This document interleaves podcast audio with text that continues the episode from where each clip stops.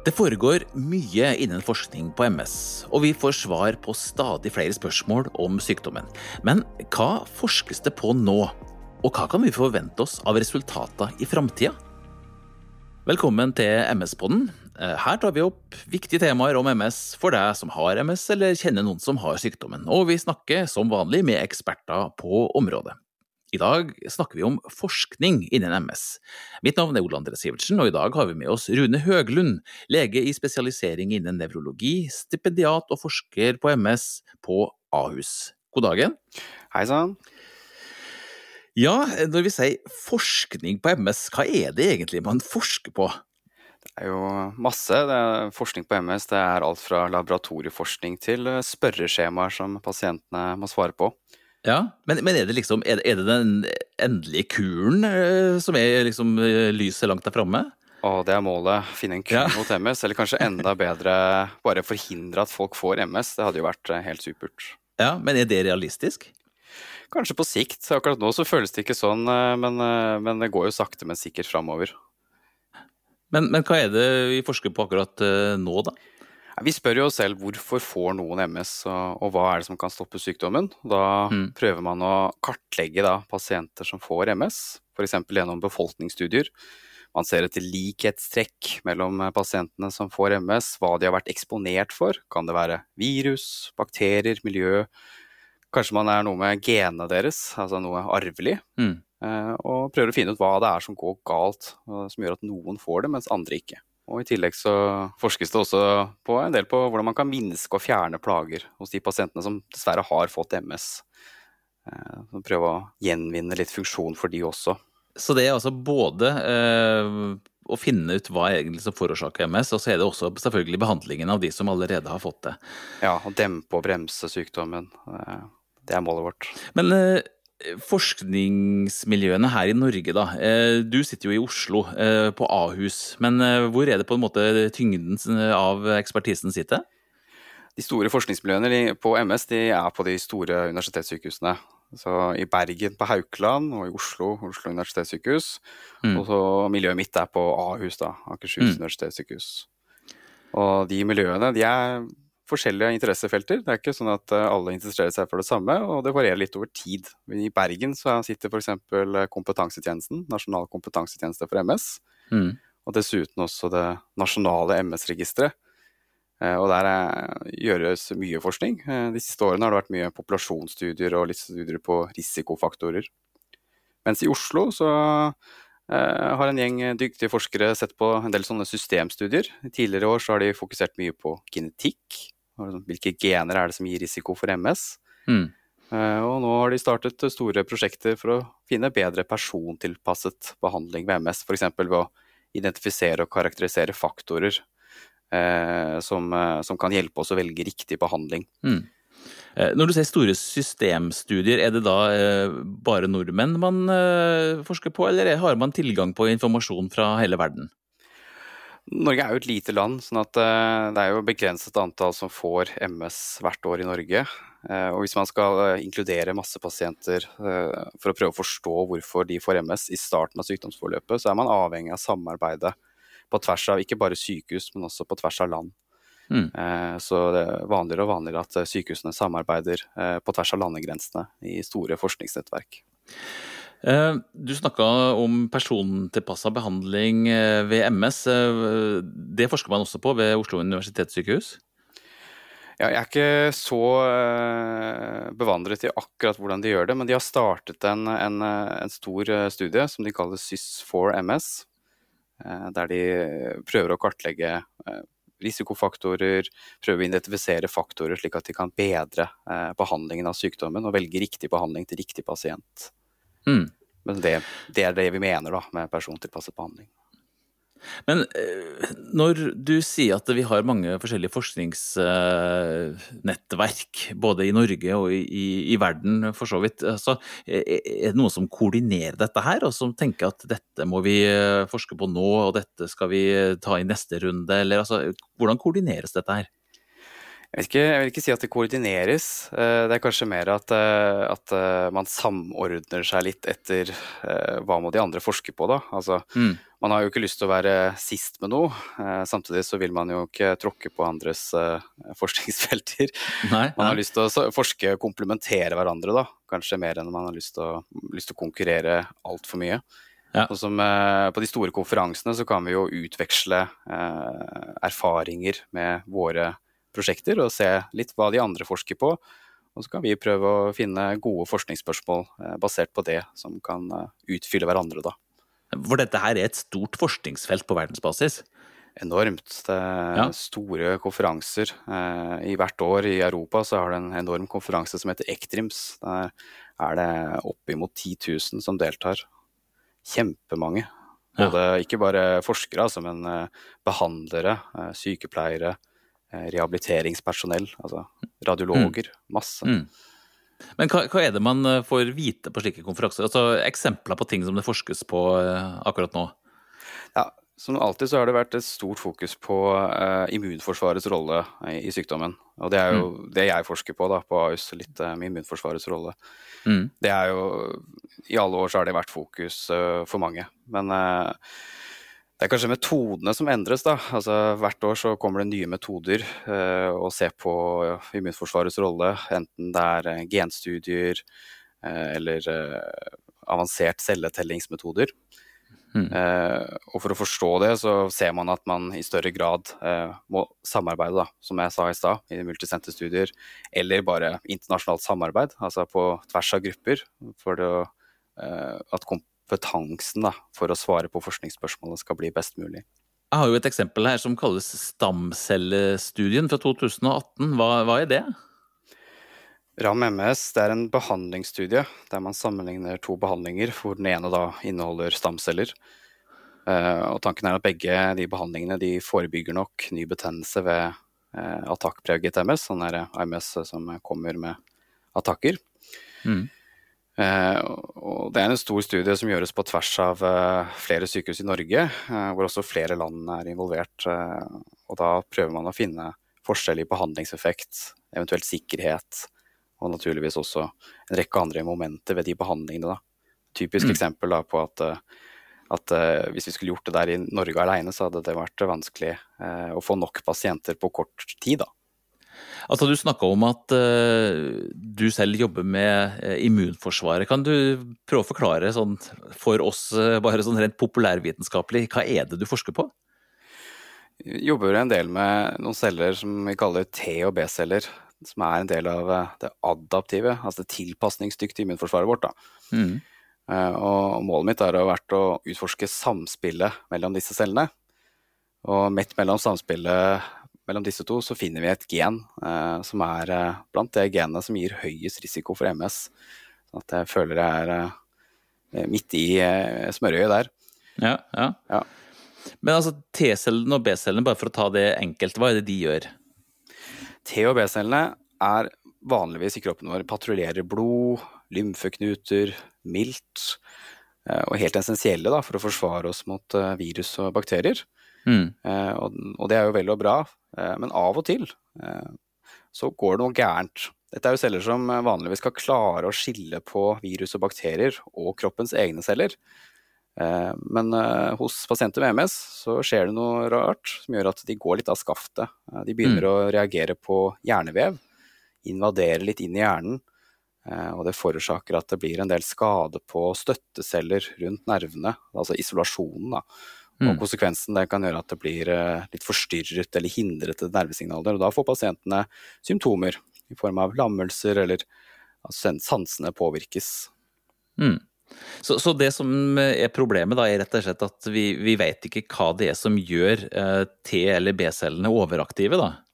Nei, og det er jo den ja, hellige gral for mange forskere i MS å prøve å finne nøyaktig hva de reagerer på, hva de mm. trigges av, og hva som mm. vedlikeholder dette. da. Og det jeg jobber med, er kort sagt en slags uh, hypotese rundt dette. da, Prøve å finne ut uh, hvordan disse trigger hverandre, hvordan, hva som går galt i samspillet. Mm. Da må vi ta og samle materiale fra pasienter som, som samtykker til det, uh, ja. for å se nøyaktig hvordan deres celler oppfører seg. Men sånn historisk sett så har man jo da hatt mye fokus på T-celler, mens nå så er på en måte fokuset mot B-cellene, sier du? Det stemmer. Eh, dette er jo felt som er hele tida er i endring. Tidligere så var de kanskje flertallet av MS-forskere mest opptatt av T-cellene, sånn som du sier. Eh, men det har skjedd en slags endring de siste fem-seks årene, hvor man eh, stadig flere forsker på B-cellene. Og Litt av årsaken var at man fikk noen behandlinger som gikk litt målrettet på B-cellene, og så at det hadde en kanskje litt overraskende stor effekt. da mm. på, på, betennelsen. Og det er antagelig noe i samspillet mellom disse cellene som går galt. Så be, mm. begge bidrar nok, men uh, nå er det mye mer fokus på B-cellenes rolle. da. Ja, for, det, det, for, det, er ikke så enkelt at det er den ene eller andre cella, men de har også en interaksjon seg imellom uh, ja. som eh, kan påvirkes? Vi kaller gjerne T-cellene, iallfall noen av T-cellene, T-hjelpeceller. og Da er det fordi at de hjelper B-cellene. Så dette er celler som uh, i kroppen er i intimt samspill til vanlig. Men men kan man se eh, på en pasient som er med MS eh, om det er T-cellene eller B-cellene som er aktive når man går inn i eh, det skada vevet? Hvis man ser på utsnitt fra hjernen, altså små mikroskopiutsnitt, så ser man at begge cellene er til stede eh, i sånne lesjoner der, eh, det, er noe, det er betennelse i hjernen til pasientene. Så begge mm. er til stede, men eh, det er jo som nåla i høystakken å finne hvem av dem er det som kom først og, og forårsaket det riktig. Jeg forstår. Ja. Ser du noe skal vi si, resultater som eh, du tenker er spennende, eller famler man i blinde her? Så dette er jo grunnforskning. Mm. Det, er mm. ikke, det, er ikke, noe som umiddelbart eh, kan oversettes til å bli behandling. Eh, det vi forsker på, er jo på cellenivå. Mm. Sånn at alt det vi finner, er jo håpet at på sikt skal lede til at vi kan stoppe mekanismer mm. eh, som er felles for pasientene, slik at vi kan hindre at eh, pasientene blir eh, syke, eller kanskje stoppe sykdommen. Hvis vi klarer å finne helt spesifikke mekanismer, så hadde det vært fint å hindre de mekanismene spesifikt, ikke sant? Mm. istedenfor å angripe hele immunforsvaret med, med behandlinger, da, sånn som eh, mm. kanskje er vanligere å gjøre i dag. Mm.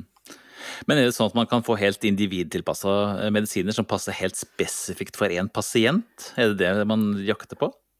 Det hadde jo vært optimalt. Eh, I, hos kreftsyke så gjør man jo det, på en måte. At eh, mm. ved enkelte uh, genendringer så kan man gi helt spesifikke behandlinger. Uh, og noe sånt, uh, hvis vi finner noe sånt hos MS-pasienter, så hadde jo det vært målet. Eller det er vel målet. Ja. Men det tar jo litt tid da, for at man får, har en sånn teori, og så får man kanskje noen forskningsresultater, og så må det jo testes, da. Ja, hvis man finner et potensielt uh, angrepspunkt, så, så, er det ikke over natta, som jeg sa, at uh, det går fra studie til uh, patent. Nei, nei. man må gjerne sjekke at, at Først må man jo ha noe som klarer å målrette seg nøyaktig mot det man har funnet. Og så må man teste om det kan gis til mennesker, og kanskje da aller først hos dyr, for å sjekke om det er trygt. Og så starter man i små, små studier for å sjekke at det er trygt hos blant noen få mennesker, og så utvider man til store studier med kanskje mm. flere tusen pasienter. Eh, og det koster tid og penger. Og pasientene syns vel kanskje at eh, det er tiden det tar mest av, da. At eh, ja. Man skulle ønske at det gikk fortere. Nå er Et spørsmål litt på sida her, kanskje, men altså, er, det, er, det, bare mennesker som har MS, eller ser man det blant dyr også? Vi har en del modeller blant dyr som ligner på MS, men om det er MS på ekte, det kan vel diskuteres. Mm. Eh, man kan indusere MS-lignende sykdommer hos dyr, både hos eh, gnagere og hos eh, andre primater. Ja. Men eh, det er diskusjon om hvorvidt det representerer faktisk MS, eller om det er eh, en annen type sykdom. Da. Ja. Så, så, primært sett så er det jo da mennesker vi må ha med i disse studiene. Eh, hvordan rekrutterer du forskningsobjekter, for å si det sånn? Vi må jo få de med i kliniske studier, da. Ja. Eh, sånne store kliniske studier. Altså, når det først er laget en klinisk studie, så må pasientene være med. Og da skjer jo den inkluderingen stort sett på sykehus. At mm. legene vet om studien og, og sier ifra til pasienten at uh, her er det en studie som kan være aktuell for deg. I noen tilfeller så er pasienten veldig orientert og, og spør spesifikt etter det også. Det, ja, riktig. Så det er en ganske utdanna pasientgruppe, eh, MS-pasienter. De, de, vet hva som foregår. Det er som alle pasientgrupper, at, eh, at, det er store variasjoner. Eh, det, mange pasienter kan veldig mye om sy sykdommen sin, altså. Mm. Det er klart. Men det, da er det sånn at du informerer kolleger og, og, eh, om at nå jakter du på de som har eh, de og de eh, symptomene, eller eh, den og den? Ja, da, Ja. da prøver vi å få alle kollegaer som behandler eh, pasienter eh, til å, til å være oppmerksom på inklusjonskriterier da, til den studien. Mm. Er Kriterier da, som må være oppfylt for at man skulle kunne delta, og så må de også være oppmerksom på eksklusjonskriterier, altså Ja. kriterier som utelukker at den pasienten er aktuell. Men dette her kan du jo også informere om. Jeg ser, ser det finnes en på helsenorge.no, så kan man eh, legge ut sånne studier der man kan melde seg på, eller? Der kan eh, de som vil gå inn og se og finne aktuelle kliniske studier som foregår på norske sykehus eh, på helsenorge.no. Mm. Jeg er altså ganske sikker på at MS-forbundet har en del informasjon om aktuelle studier. Men sånn som du sjøl, da, eh, for å komme på en, en studie eller ting du har lyst til å forfølge, da, for å si det sånn, eh, er det bare å sette i gang hvis du har en god idé eller en eh, teori? Ja, det hadde vært fint. ja, kanskje. Man må dessverre ha en rekke godkjenninger og, og ikke minst penger på plass. Da. Ja. Et uh, forskningsprosjekt eh, det krever som regel at man har søkt om å få, uh, iallfall på mennesker, da, at man har en etisk godkjenning. At eh, en etisk komité har vurdert at eh, det ikke er uetisk forskning som Mm. drives. Mm. I tillegg så må det også være masse godkjenninger på personvern og databehandling, og litt avhengig av hva man skal gjøre, da. Mm. Og når man først har det, så må man ha penger. Penger og tid, egentlig. Ressurser, Mm. kort sagt. Eh, og da må man planlegge godt. Prøve å tenke seg hvor mye materiale trenger jeg, hvor mye må jeg samle inn. Hvor mange pasienter må være med i denne studien for å svare godt på spørsmål jeg stiller. Mm. Eh, Men blir det sånn at, at det man eh, forsker på da gjerne følger de største pasientgruppene, eller eh, er, dette her et så stort felt at eh, si, de, de små, litt sære tinga også får eh, forskere som eh, leter etter svar? Tror det kommer mye mer an på om du har et godt spørsmål. Altså et Mm. spørsmål som lar seg svare på eh, med metoder vi har tilgjengelig. At, eh, at eh, man må jo overbevise kollegaer, da. Altså, sånn som det er i dag, så må man søke etter penger, og de søknadene de vurderes gjerne av andre kollegaer internasjonalt. Mm. Og de vurderer da om det er hold i denne forskningen. At man vet nok fra før til å stille et godt spørsmål som er mulig å svare på. Og da jeg tror det er det som er viktigst fremfor eh, noe annet. Da. Mm. Vi snakka jo om at eh, man kanskje en gang i tida uh, snakker om persontilpassa behandlinger. Altså, hva er det egentlig vi ser for oss i framtida innenfor eh, MS-behandling? Sånn som det er nå, så, så demper vi jo immunforsvaret med behandlingene, eller endrer eh, immunforsvaret ganske bredt. Det er ikke sånn at vi ja, Den er ikke veldig målrettet, det er litt bredere behandling. Mm. Og da, som jeg sa i stad, så hadde det vært fint å finne i de få kanskje cellene eh, som gir MS, eller de få årsakene som gir MS, hvis ikke det er celler, Mm. eh, og angripe de målrettet. Eh, og eh, det hadde vært på en måte Hvis det viser seg at det er forskjellig fra person til person, så blir jo det en form for persontilpasning. Mm. Men med det så mener vi også, altså med persontilpasset behandling, mener vi også at behandlingen vi har tilgjengelig nå, velges ut ifra den enkeltes livssituasjon og sykdomsforløp, Mm. eh, basert på den kunnskapen vi har. Da. Altså at vi, vi, vi velger den behandlingen som, eh, gitt pasientens eh, forløp og antagelig forløp videre, gir best effekt, og sånn sett tilpasser det. Ja, men hva med hvor langt pasienten har kommet i sykdommen? Altså, hvor tidlig kan man oppdage MS, egentlig? Det er litt diskusjon om. eh, Det hender av og til at vi finner eh, ting på bilder av hjernen som kan se ut som MS, uten at pasientene har hatt symptomer i det hele tatt. Mm. For vi kan faktisk, vi kan faktisk se at eh, myelin blir brutt ned når man tar bilder av hjernen, skanner hjernen. Man kan iallfall se det som kanskje er myelin som blir brutt ned. Det er jo ikke sikkert at det er det, hvis man hadde sett enda nøyere på det. Men man kan iallfall se hvite flekker f.eks. På, på et bilde, da. Og så okay. lurer man på om dette er MS. Det vet man jo ikke. Vi har jo visse kriterier for å sette diagnosen, eh, Mm. og de kriteriene de endrer seg over tid. Sånn at kriteriene vi har nå, de er, eh, de er lett, det er lettere å stille diagnosen nå enn det var før, da, for å si det kort. Mm. Ja. Så vi stiller nok diagnosen tidligere nå enn vi gjorde for 10-20 år siden. Ja. Men er det en retning man kan se for seg, at man kan få enda tidligere diagnose? Ja, eh, hvis vi finner noen biomarkører, eller eh, Det er jo ikke mitt felt, men hvis man finner noen biomarkører som viser seg å være tett knyttet opp til eh, MS-utvikling, så, så, kan det jo tenkes at man kan finne diagnosen tidligere. Mm. Men det er jo ikke så lett. hvordan skulle man gjort det? Skulle man skrinet hele befolkningen? hvis ja, man ikke, ikke har noen symptomer, ja. så er det jo veldig vanskelig å oppdage noe man ikke vet finnes da. Nei, nei. Nei, jeg tenker det fins jo, eh, jo, noen som har høyere risiko, men eh, det, det, som du sier, det blir fort eh, store tall. Og vi ja. vet jo hvordan det, hva det koster. Ja, De risikofaktorene vi kjenner, de er, de er, veldig vanlige i befolkningen generelt. Så det er ikke sånn at, ja.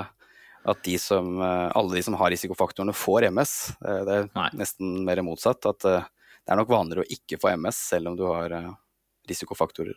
Ja. Du snakker om eh, Bergen og Oslo. Eh, hvordan kan Norge som land bli enda bedre på MS-forskning? Generelt så syns jeg MS-forskningen i Norge er veldig god. Altså, jeg skryte litt av, av kollegaene mine. Hæ? Ja, eh, Men det er klart at mye av behandlingen vi velger i dag, velges jo ut fra store studier som er tatt og gjort internasjonalt. Og vi kunne sikkert eh, blitt enda flinkere til å starte våre egne studier. Eh, og det vet jeg at det er en del av gruppene som jobber hardt med, og er kanskje til og med i startgruppa på å lage gode sammenligningsstudier for å finne, eh, finne beste behandling for pasientene. Mm. Jeg tror kanskje at det, det blir mer av det i framtiden. Men det er jo sånn at uh, utbredelsen av MS uh, eh, varierer fra land til land også, og til og med innad i land. Uh, så, så, sånn sett så vi, har vi et eget skal si, egen forskning og eget opplegg for vår demografi, da, for å si det sånn. Um, ja, det er, litt, uh, det er, litt, variasjon over det norske land også. Uh, at, uh, at, det er variasjon mellom fylkene, hvis det var det du ja. tenkte på. Ja, ja. Men ja, stor tro på at nevrologer i hele Norge er godt orientert om, om deres egen befolkning. og at de er i stand til å velge riktig behandling.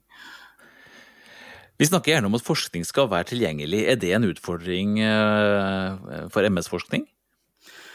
I Norge så har det iallfall vært en eh, stor policy nå om at vi skal uh, publisere sånn at det er åpent. da. Open access mm. heter det på fagmiljøet. Mm. At alle ting vi gjør uh, skal være tilgjengelige for befolkningen. da, Slik at mm. skattepengene det går til alle. At alle kan se resultatet. Tidligere så har jo mye av forskningen vært bak sånne betalingsmurer, at man må betale for å lese resultatet. Men retningen det går mot nå, er at det mest mulig skal være åpent. da. Mm. Da kan jo alle som vil eh, lese seg opp. Eh, I tillegg så, så, er det jo også viktig at forskerne prøver å fortsette å formidle det de finner. fordi eh, selv om det er tilgjengelig på Open Access, betyr jo ikke det at det er åpent og lesbart for alle. Så vi må gjerne oversette litt og gjøre det litt mer populærvitenskapelig. Og da har jeg stor tro ja. på å være tilgjengelig i sosiale medier og blogger og, og prøve å, å, forklare det. Ja, Det er jo gjerne sånn at når man lærer noe, så får man bare ti nye spørsmål. Definitivt. Vi snakker jo om at det overordnede målet er å finne en kur mot MS, da. Men altså, eh, sånn, hvis du skal prøve å være litt konkret på selve MS-behandlingen, da. Den har jo endra seg veldig de siste 20 år. Eh, ti år fram i tid, eh, hva kan vi forvente oss?